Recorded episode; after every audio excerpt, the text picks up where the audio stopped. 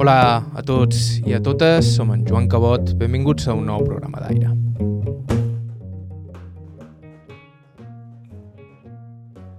Aquesta és una setmana gran a molts indrets de les illes, especialment a Mallorca, on coincideixen a molts pocs dies dues de les festes més importants del Santoral. Per una banda, Sant Antoni, que es viu amb un fervor especial a molts pobles de l'illa, i per l'altra, Sant Sebastià, que és festa de la capital, a Palma.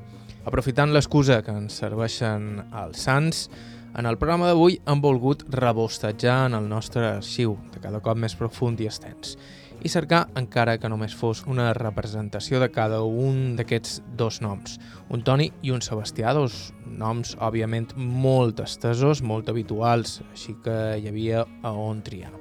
En tot cas, els dos personatges que escoltareu avui són dos testimonis de categoria. El primer, el Salamé, la Montoni Vallès, fuster de professió, un homonot amb una planta imponent, prou com per haver estat botsejador i tot, però amb una història al darrere realment emocionant i corprenedora. I el nostre Sebastià d'avui, Estià Llinàs, de Son Carrió, pagès, glosador, traginer de contrabanda jove i expert en caçar en joves. Dues autèntiques joies del nostre arxiu que ja sabeu que teniu disponible via podcast o a ib3.org barra carta. Nosaltres avui celebrarem amb ells Sant Antoni i Sant Sebastià. Estau escoltant Aire a IB3 Ràdio, us parla Joan Cabot, començam.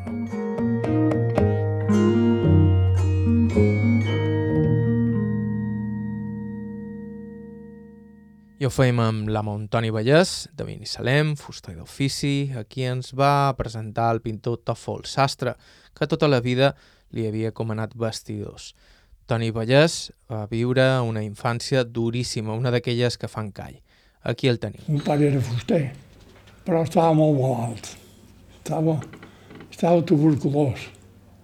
I jo li havia ajudat tot el que podia. I com que força me'n sobrava, anàvem menjant del que podíem, però van tenir la sort de que van dur un destacament de soldats en el poble. I jo me feren l'ajudant des que duia el botiquín. I el corter estava separat del botiquín. I els de matins, quan anava jo en el botiquín, ajudar en el, en el que duia el botiquín, i m'enduia una letxera i la deixava en el botiquín on anàvem un escorter i duem el cafè llet per tots els malalts que hi havia. Que n'hi havia potser una vintena, eh? I jo omplia la letxera i me'n duia cap a que nostra, perquè tenia tots germans, preníem el cafè llet a que nostra, tots. Bé, el migdia, altre tant de lo mateix, tornava anant el corter en sol del botiquín. Jo me'n duia una olla, la deixava en el botiquín, agafàvem el ranxo, jo m'enduia dins l'oli de canostra, cap a canostra, per dur el menjar als meus germans i ma mare.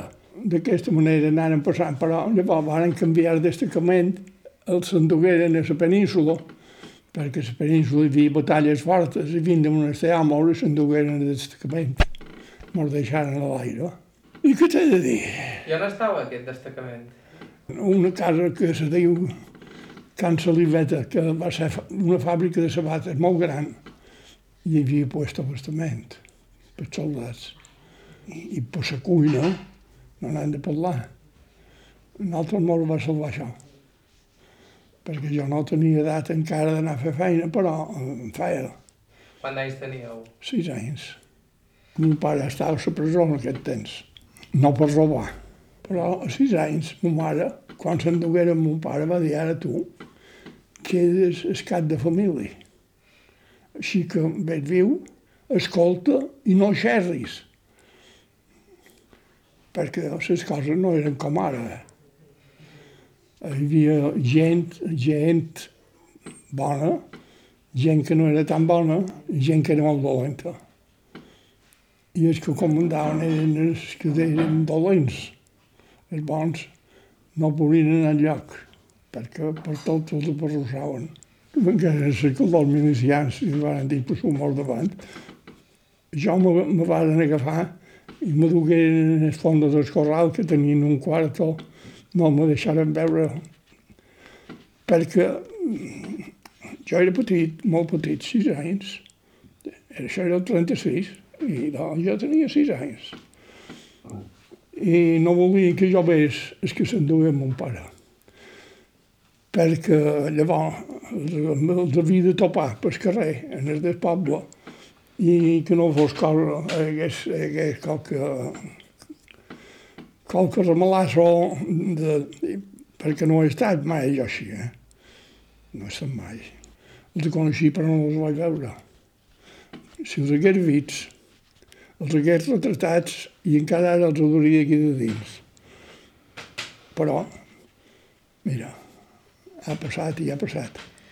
Que després li feien molt de cas i mon pare els llevava damunt així com podia. Deixem anar, deixem anar. Cada instant els canviaven de destacaments. Tenc el nom de tots els destacaments aquí on va estar, aquí on va estar el primer dia que se'n van dur la fetxa i la fetxa de cada destacament aquí on va estar. Eh, però jo Què vols? el, el, el quadret aquell que ha damunt el comodí. És una cosa curiosa, perquè mon pare era, era metàl·lic, a més no poder. Aquest. Aquest. Sí, A veure. pot llegir. Espera, encendrem. 14 d'agost, Castell de Bellver. Castell de Bellver.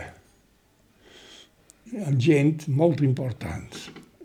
El Castell de Bellver era molt severa, però era de gent de molta de classe. 22 de desembre, Regana.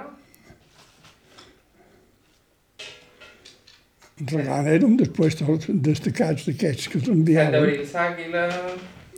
19 de juliol, Son. Uh, això no ho entenc. Setembre, Albufera. Uh, novembre, s'Espinagà. 1938, 9 de juny. És increïble. Són les dates de la presó i com anava canviant. Dos anys, nou mesos i dos dies. I com així el varen, el varen agafar? Mon pare era, era republicà i durant el feina de la república va ser concejal de, de la batllia de, de, del poble. Varen fer l'escola graduada, que no fa massa anys, el que era director, el que era di- director ja me va dir ton pare, és el causant de l'escola aquesta. Mm. Una escola de Prera Viva encara s'aguanta la mare de bé, eh, i perquè creia en la ensenyança eh, laica, no això de, de, de, de capellans i monges, com que li havien, li havien fet sabús, eh, i clar, i la duen d'ell. En aquell temps, jo en això ho sé perquè he viscut les disputes que hi havia. Hi havia l'apotecari don Gabriel Llebrés, que és l'apotecaria d'Escat de Cantó. Llavors hi havia l'altra apotecaria, eh, que era don Bernat Nadal. I, i quan s'apareaven, això en públic, en el cafè, i don, i don Bernat eh, li tirava conyes a don Gabriel, perquè ja la apotecaria, una paraula, tenia poca tirada. I, i, i don Bernat era, era l'amo. I se'n reia de don Gabriel. I don Gabriel li deia jo, tenc una carrera. Jo, la meva onyada estudiant, no com tu, que posats la pistola damunt la taula i vas tenir aprovat. Això ho he sentit, no és que m'ho hagin dit, eh? Ho he sentit. I era bé. I com aquests de casos n'hi ha hagut així, així, així. Perquè és molt trist això. Si ara un té qualque familiar que, que, que ha, fet, ha tret un títol d'aquesta manera, allà per estar empeguit de sortir al carrer.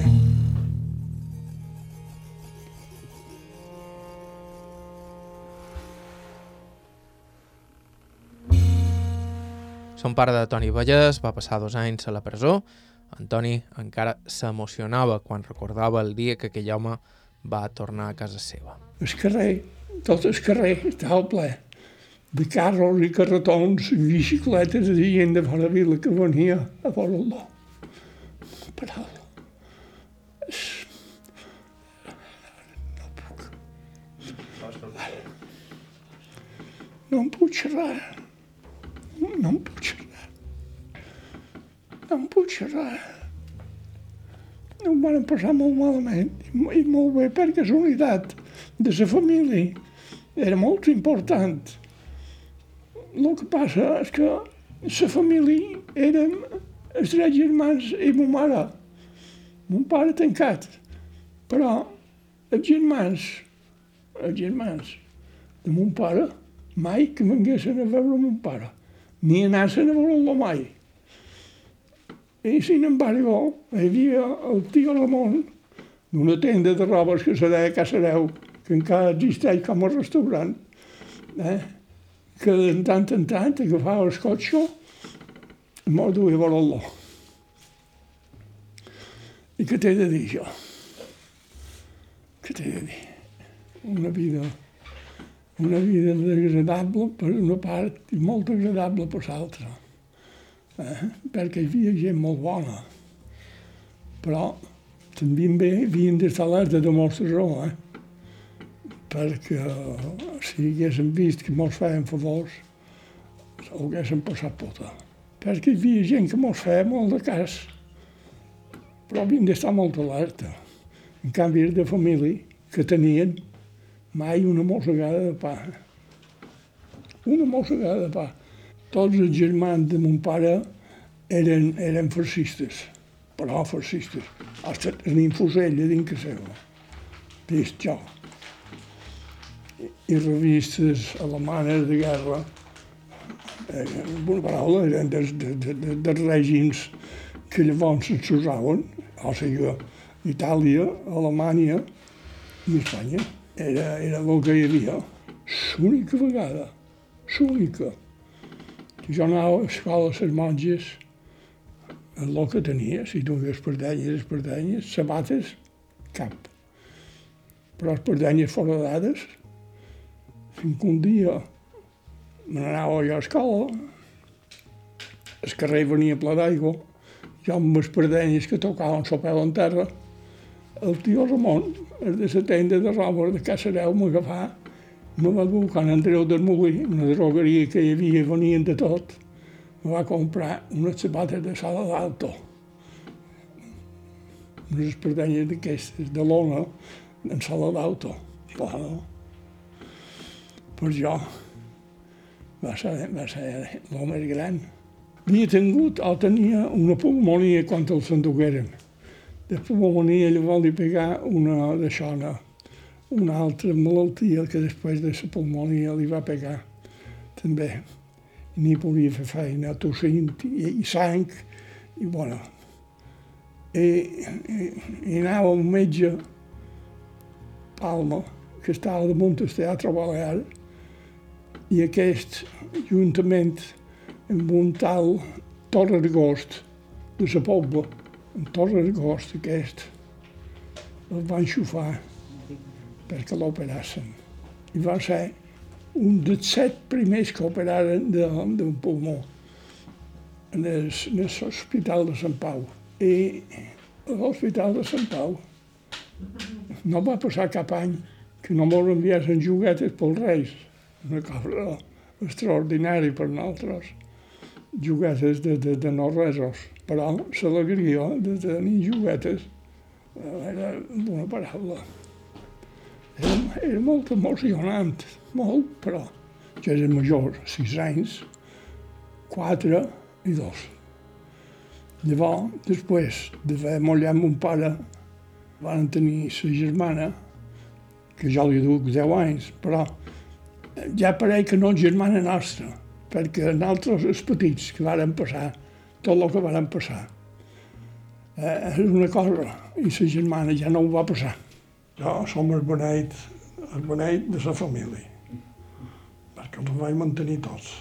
Però hi va haver el darrer, el darrer, que era en Gaspar, que a l'escola les monges hi havia una monja amb un collons així, que s'afeitava, va estar dit bé, que s'afeitava, i era el bon Jesús d'aquesta dona, el meu germà.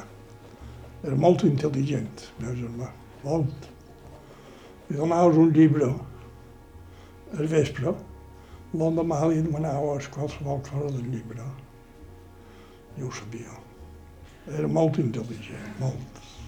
Tot d'una que va comprar per ajudar mon pare, tot d'una... En 10 anys, en 10 anys jo anava a l'escola graduada i, i don Pep, don Pep, que era director, era amic de mon pare i havien estudiat plegats. I deia, mira el tant Antoni fent la monja, fent la monja, el passava davant en els, en els fills dels que tenien dures. Però llavors va venir a final de curs, i a final de curs tots aquells que m'anaven a la meva zona se'n van anar a estudiar a Inca. Jo vaig quedar al poble, ja no me'n vaig moure. I vaig jo, I vareu començar a fer feina de fuster. amb mon pare, eh, I el vostre pare podia fer feina? Poca. poca. Poca, i a més, a més, la nostra feina feia pols, i la pols també era fatal, fatal per ell. Però jo no feia res. Tant és així que cada vegada que me feien una revisió i me deia el metge que has fumat molt, mai. Jo, jo, ja va, mai. Ni un cigarro, ni un allò, que mai havia fumat. Però clar, el que duia era la pols de, de lo que feia feina. No tenia cap de figura per jo. Era igual. Tenia una serra de peu i amb aquesta serra de peu no m'hi vaig tallar aquest dit, però ben enfant. Però pim-pam, pim-pam, pim-pam, pim-pam, bueno, feia molta de feina. No va fer por mai se feia, al revés. Llavors, jo feia brots, feia buldufes, feia pistoles, tots els soldats venien a darrere jo, però els feia pagar, eh? I gràcies a això feia eh, passeta que guanyava, passeta que duia la caixa, la caixa. Però quan hi havia 500 pessetes, me deixaven la plaqueta neta. Mon pare i mon mare havien de menester, però és igual. És igual tornar a començar fins que hi havia 500 pessetes més. Però servia, servia per, per donar menjar als germans i a mon mare i a mon pare. Amb la vida que li va tocar i en la planta que feia, quan el vàrem entrevistar era un home bastant imponent, no és sorprenent que l'amo Antoni Vallès participés en alguns combats de boxa, un esport molt popular en aquells anys i que ell va practicar amb bastant d'èxit, encara que no de forma regular. Tenia un amic un poc, un poc desbaratat i n'hi havia un en el poble molt fort i volia ser boxeador. Una forçada. Un desastre. Feia feina tot el dia al matí i llavors se n'anava a la botiga, començava a comprar i la taula del cafè no li bastava per, comprar, per, per compondre el que havia comprat. Llavors se'n fotia, oh, tenia una forçada. Se pensava que això li bastava per guanyar a qualsevol. Va fer una volada de boxeo. I eren un soldat que segur que patia rusca, un soldat català, i li donava una manta, una manta que bona. I aquí se va acabat, aquest. Això era Naloi, Naloi. I, I de passo, jo, com que havia d'entrenar Naloi, m'entrenava. I llavors tenia un tio Palma i tenia un amic que era entrenador de boxeo. I tenia eh, gimnàs en el carrer en Ballester dins el barri. A la pensió central hi havia una sala i hi havia gimnàs aquest. I anava allà i vaig entrenar un poc. I llavors un senyor del poble, per les festes de Sant Jaume, va armar un combat de boxeo on soc campió de Baleares, en Pedro Provenç. Pedro Provenç era brigada d'aviació. Feia 98 quilos i jo en feia 80 escassos, però molt falaguer, molt falaguer jo. No estava molt inquiet i varen fer el combat aquest i en el segon assalt el vaig jeure i ja no se va aixecar. Llavors un altre, vaig fer un altre dos més i llavors vengué la selecció de València, que va fer campió d'Espanya de, de totes les categories, de totes. I jo me toca haver de luchar el campió d'Espanya, de la meva categoria, que era pes pesat. I no em va tocar. No vaig guanyar, però tampoc vaig perdre. Mai nul, i mai nul, i ja està, ja vaig quedar satisfet. Perquè la boxa és un poc com la vida mateixa. Si un torna a rebre i tocar el contrari.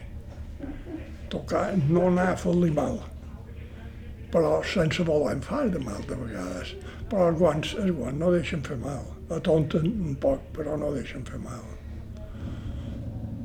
És, és un joc molt guapo molt. Sempre seguit en moviment, de fi de no, de que el contrari no se tingui fixat a un puesto.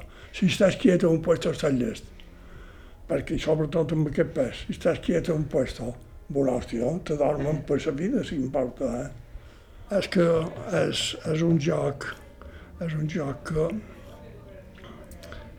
segons les normes del marquès de Queenberry, és, és el més gran procurar que no te toquin, però tu procura tocar el contrari. I d'aquesta manera... I d'aquesta manera. Era la Montoni Vallès, que tenia 90 anys quan el vàrem entrevistar. La seva història la podeu escoltar íntegra el programa número 133 d'Aire, que trobareu, com tota la resta del nostre arxiu, via podcast a qualsevol dels agregadors disponibles. Ja hem escoltat un Toni, ara mos toca un Sebastià. En uns segons li pegam per son carrió per escoltar Tia Llinàs. Estau escoltant Aire a IB3 Ràdio, fem una breu pausa i continuem.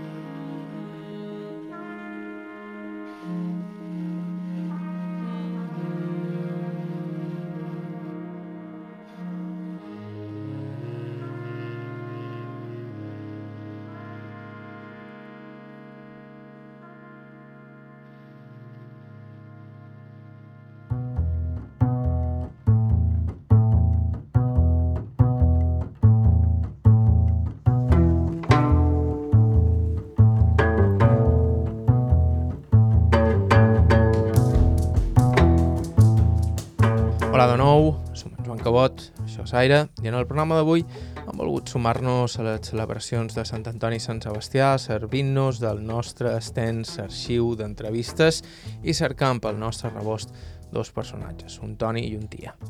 Fa una estona escoltàvem la Montoni Vallès, de Binissalem, el Tià del dia, ho acabàvem de dir, és Tià Llinàs, de Son Carrió, qui ens va presentar l'amic Nofre Fullana. En Tià Llinàs, de sa muleta de mal nom, és tot un personatge. Ell mateix es presentava. Sebastià Llinàs Barceló. Vaig néixer a la muleta de Sant Macià. L'any 35, a dia 3 de setembre. I en què se dedicava el vostre pare i la vostra mare? Agricultura i un poc de feina perquè l'agricultura no tenien gaire terreny, no hi havien d'afegir. Mon mare afegia cosint i mon pare que va en grava, a Sant Llodrà Vell. A la mala, amb un picó i tira, bé, si mateix de vegades, si fèiem una esplanada que dèiem de llevar la terra de muit, fèiem un parell de forat de dinamitra, però eh, llavors picó i porjar i tira. Llàstima se morís quan jo era tan jove, perquè mon pare tenia, tenia bon cap i tenia, sí, bons, bons amics i sí.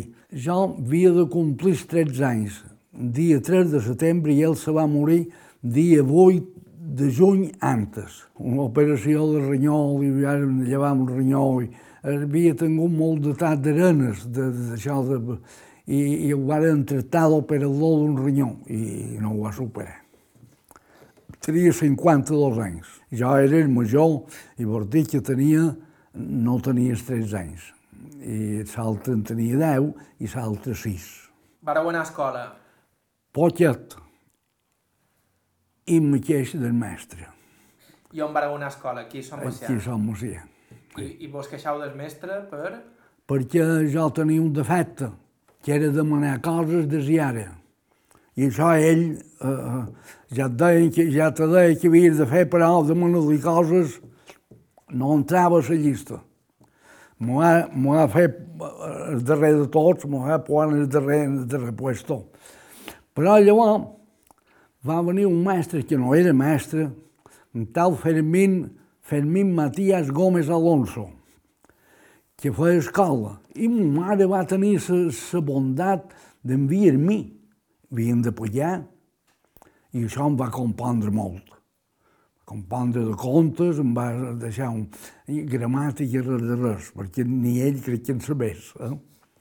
Però vaja, de contes em va posar bé i un pot d'escriure. I sempre me recordarà el primer dia que hi vaig anar, m'envia un bitlletet, em posa un bitlletet que ha pujat, i que deia, dime, Sebastián, a què quieres que te enseñe? I jo li vaig contestar, dic, a escribir, eh, eh, cuentas i educació. Li vaig contestar un parell de preguntes així. Quines eren les preguntes que li feia un mestre anterior que, que uh, molestaven? Una vegada, una que me recorda molt bé, era si m'ho volia ensenyar de plantejar una carta. I em va dir, mireu el manuscrit. Sí, no, no, no, no. No anava d'ensenyar, idò? No, no. Era una cosa que el molestava. Però jo m'he arribat a sentir satisfet perquè tenia cinc, que n'hi ha un de mort ja, cinc de l'orell que els cuidava a tope. A la seva manera els cuidava a tope. I jo m'ho ha, m'ho ha posat de vora la finestra de la botella de baix, s'enfront de tot, en dos més curtets. I aquests cinc, n'hi ha un de mort, que és en Pedro Llerany, Joan és viu, Toni Benús també, en Jaume, en dos, en Jaume de, de Sacals també és mort, en Gent de Sant Llall és viu, però de cinc, de cinc aquests, no sé que hagi anat que llibre té de menadors que, que cosa.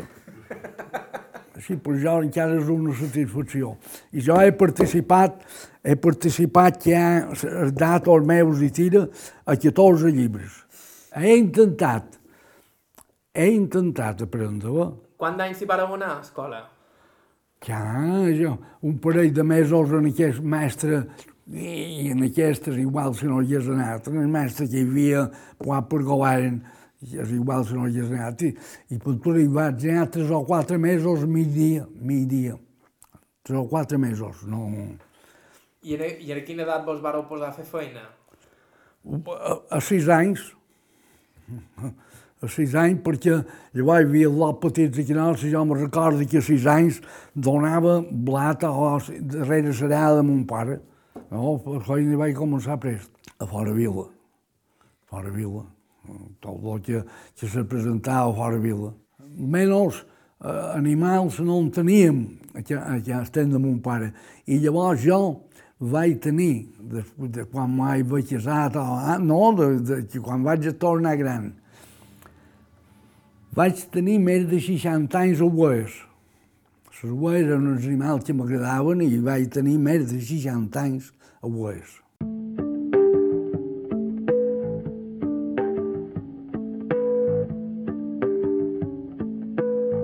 I com tanta d'altra gent que vivia i treballava a la Fora Vila, la Montià de Samoleta també va prendre part d'una activitat golosa increïblement estesa, però durant molts anys envoltada de secretisme, el contraband. Jo vaig anar una bona temporada a traginar contrabando, traginar cafè, que això d'on la culpa, no sé si ves, de les llames tan fotudes, era de dur sac de cafè de 60 quilos. Quan vareu començar a fer, a fer contrabando? Quina edat teníeu? De 9 anys. De 9 anys? Sí. No, no era equipat de fer encara, perquè un atlot de 9 anys en aquell temps no era equipat de fer. Però jo no em varen haver d'ajudar mai. I com és que vareu començar? Com, com vareu entrar en contacte amb la quadrilla? Això és ben normal. Jo vaig moure una atlota de la vorera de mà. I, i mare dir que t'agradaria això. I, I vinga, sí. I ja vaig estar liat.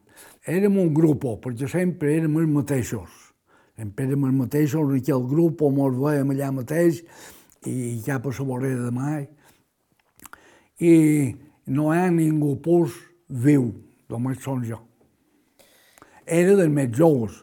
No sé si n'hi havia un altre que està allotjat a Sant Josep de la Talaia, que era d'esport de Marcó i fa d'haver dos anys que va morir. I, però no n'hi ha altre més que jo. I com funcionava això del contrabando? Això hi havia setmanes que havien d'anar tres vegades i llavors, si importa 15 dies. O podríeu explicar un poc com era els vespres que hi anàveu? A quina hora vos hi posàveu? Op, això venia la barca grossa eh, per alta mà o vaia per dins. I llavors venia una barca, un, li dèiem el bot, o un, era un, com una llampullera, dèiem, era un bot si mateix, i, i duia el tubo d'escape voltat, i fos a dins l'aigua. I si partia cap a sa, en aquella part d'allà, nosaltres érem d'escap d'aquí, i, i que vespres havien de començar més tard i que va més tard.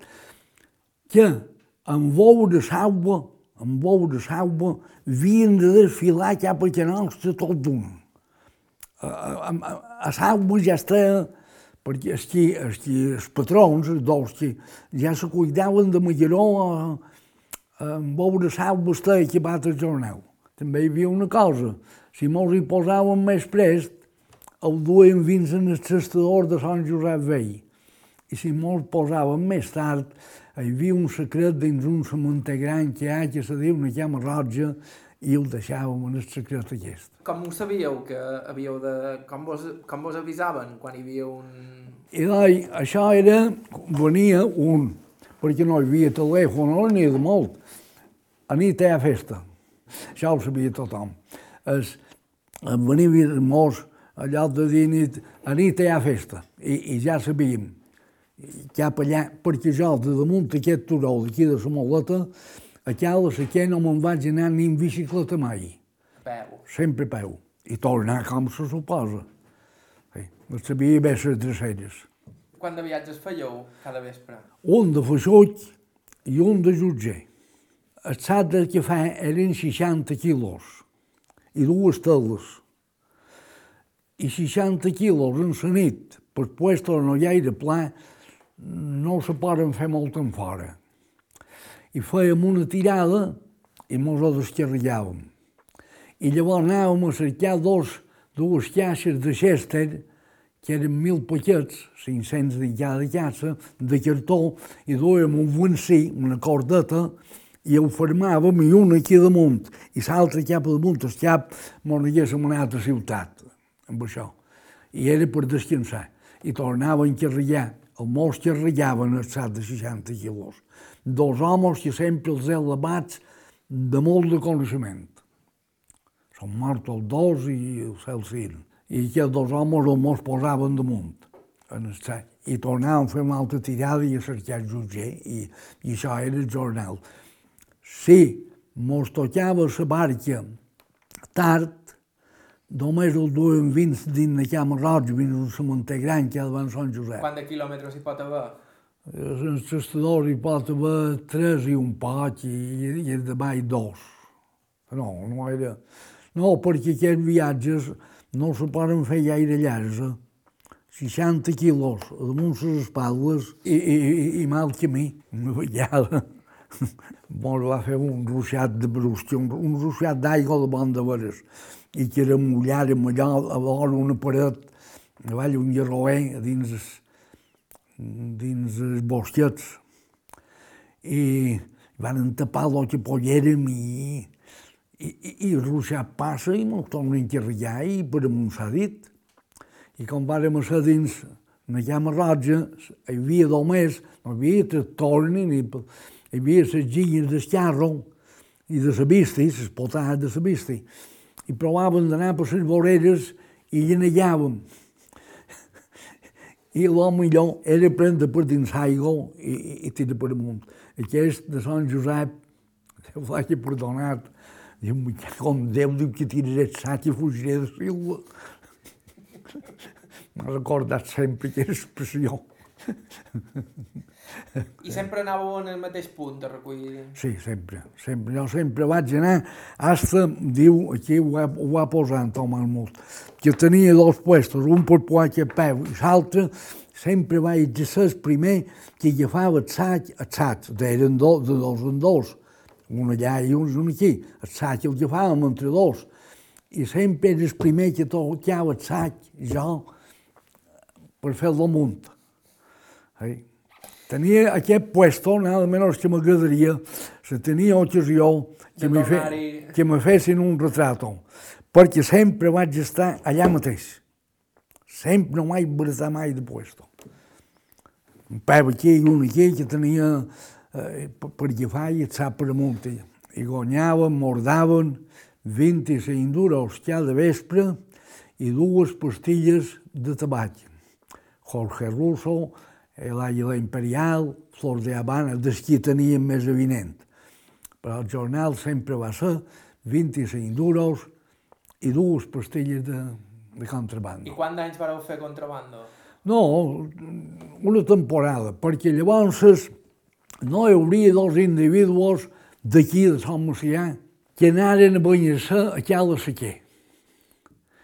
I i varen veure, potades varen veure, i se varen poder a mirar per darrere mates, per davant el sestador de Sant Josep Nou, i l'amo estava a dins del sestador vigilant, guardant la cària, que nosaltres no eren nosaltres que el duguéssim a dins del sestador, eren una altra bandilla que hi havia entre Can Roig i Sant Josep Nou. Can Roig i Can Clai. Eh? I, i va, va veure això, i, que miràvem per allà darrere i es diu monja, que és cert, que jo vaig anar a festejar, diu, les, les moars de tatà igual si, si, si les hagués pintats. No era una cosa un així, un sol capell, un que ten dues mostatxos i m'ha explicar les dues. Eren Lluís Puig i Lloret Negre, eh? Som morts fa estona. I me diu, i que són segurs aquests dos? No. Vaig dir que no perquè, perquè ho sentia així, perquè hasta sabia que el Lloret Negre, que era una mica, eren dos cosins, això. Hasta sabia que el Lloret Negre s'havia aixecat en la nit i sentia renou de camió per, per veure el camió que havia de per dins la mala cap a dins fanyer. També era una època que, que anava acabant, hi havia eh, molt de camions, hi havia molt de, de, de, de maquinari ja, i, i, i anava acabant. I això va ser quasi el darrer. Sí. Jo, després, només vaig saber d'una altra vegada que havien descarregat en la nit, en el port de Falanits, de, que havien descarregat en el port de Falanits, el temps que feien el folleror dissabte de Sant Antoni. I en camions se'n m'ho endur tot. Això va ser una de les darreres vegades que jo he sabut, perquè llavors se'n va fer amb avió i se'n va fer de totes maneres de contrabando. I els de matins, els, els vespres que traginàveu l'endemà de matí? El demà de matí descansava. Descansàveu vos? Sí, això sí. Jo feia feina per nosaltres i descansava. Això sí que...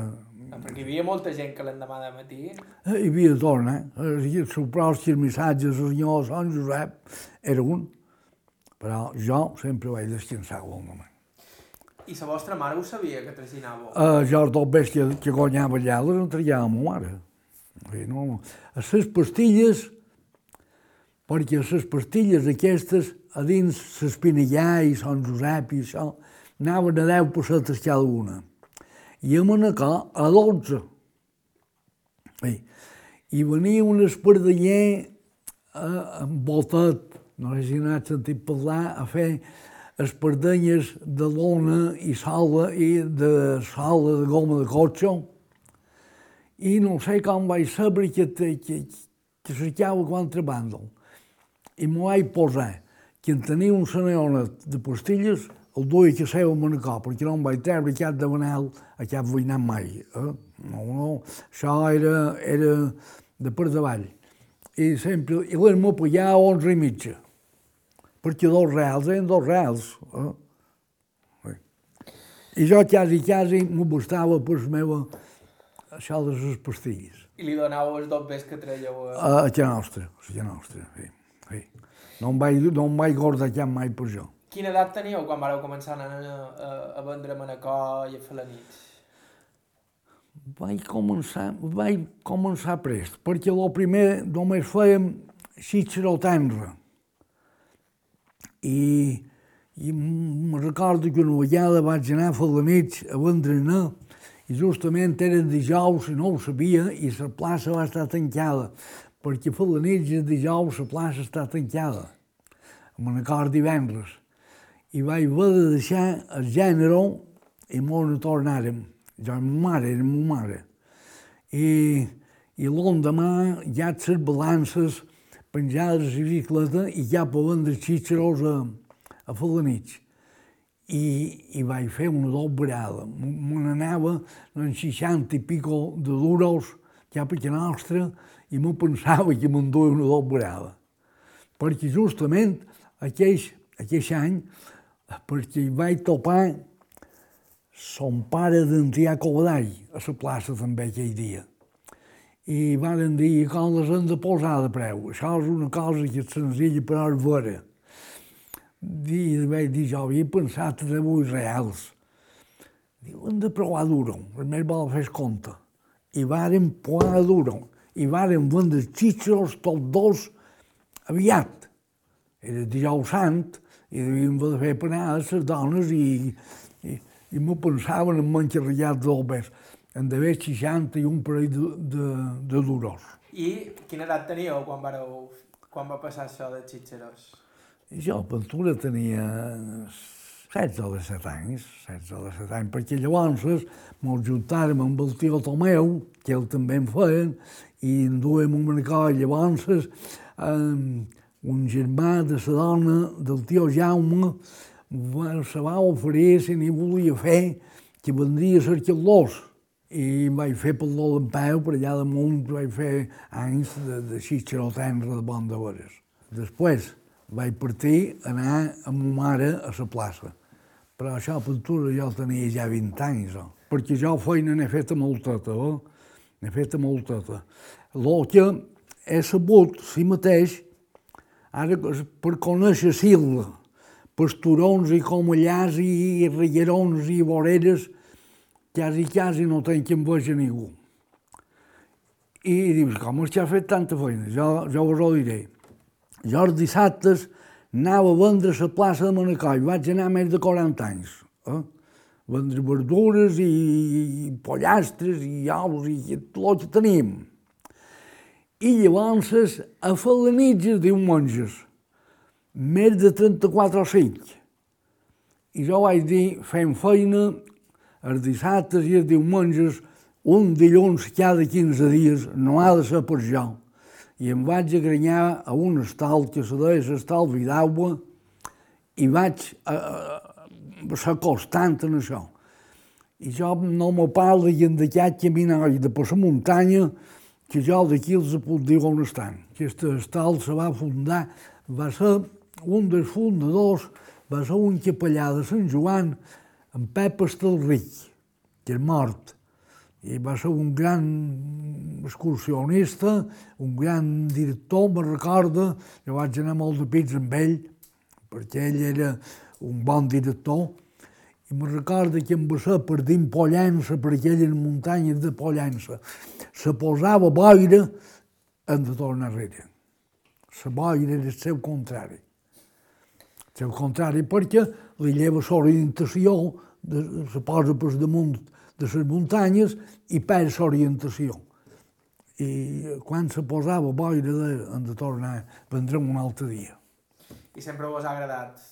Sí, molt, això m'ha agradat sempre. La naturalesa m'ha agradat molt. Com m'ho vaig despedir, com m'ho vaig despedir del grup, oh, perquè eh, no puc seguir, i em vaig despedir.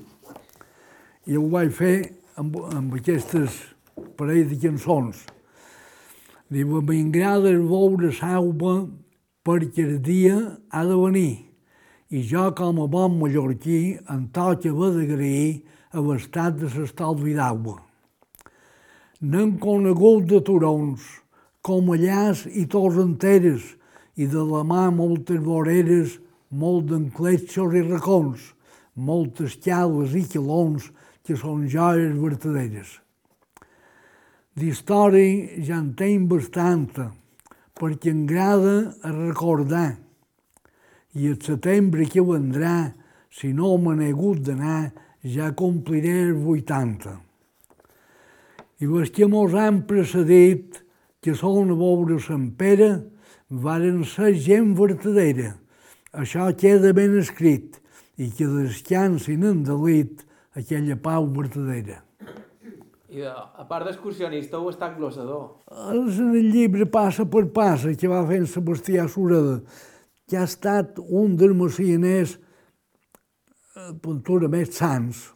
En aquell llibre que va fer ell, vaig en gloses, vaig glosar la neu del 56, cada dia que va fer, tots els fenòmenos que va fer, els temps, estan en cançons en aquell llibre. N'hi ha una, la darrera diu 56 de puntades, n'hi ha en aquesta lliçó. I a tots vos deman perdó per les que equivocades. I si me seguiu les petjades, sabreu qui ha estat l'autor. Perquè allò no podies escriure, això era el 56. En Franco, que no li demanasses permís per publicar qualque cosa. Eh, no. Des de quan feis gloses? I això molt aviat, molt jove ja vaig fer, perquè i tenia un companyero aquí que també en sabia fer qualcuna i vam començar per les matances a fer. Una vegada anàrem un grup de famílies a sopar en el Puig de Maria de Pollença. I, i, est, i només hi havia monges allà. I vàrem moure la xaranga de gloses i ells, les monges, no se n'anaren, vint que nosaltres vàrem acabat. I no tocaven silenci per elles.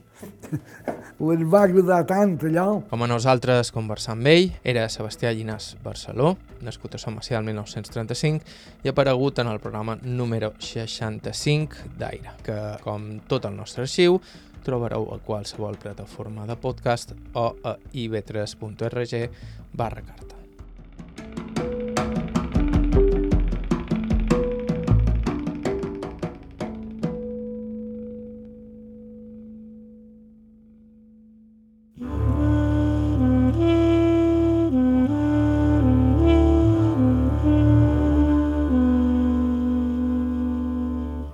Més per avui, tornem la setmana que ve, esperant que ja heu tingut i tingueu totes i tots unes bones festes. I vos recordam que sempre estem cercant testimonis interessants, així que si teniu alguna proposta ens podeu escriure a aire.ib3radio.com. La millor manera de no perdre's cap episodi és subscriure's al nostre podcast a qualsevol de les plataformes disponibles. La música que faim servir habitualment és de Joshua Abrams, Marisa Anderson amb Jim White, Jaume Tugores, Soneran Barchi amb Johan Berthling i Andreas Berlin i de Charles Rumbach.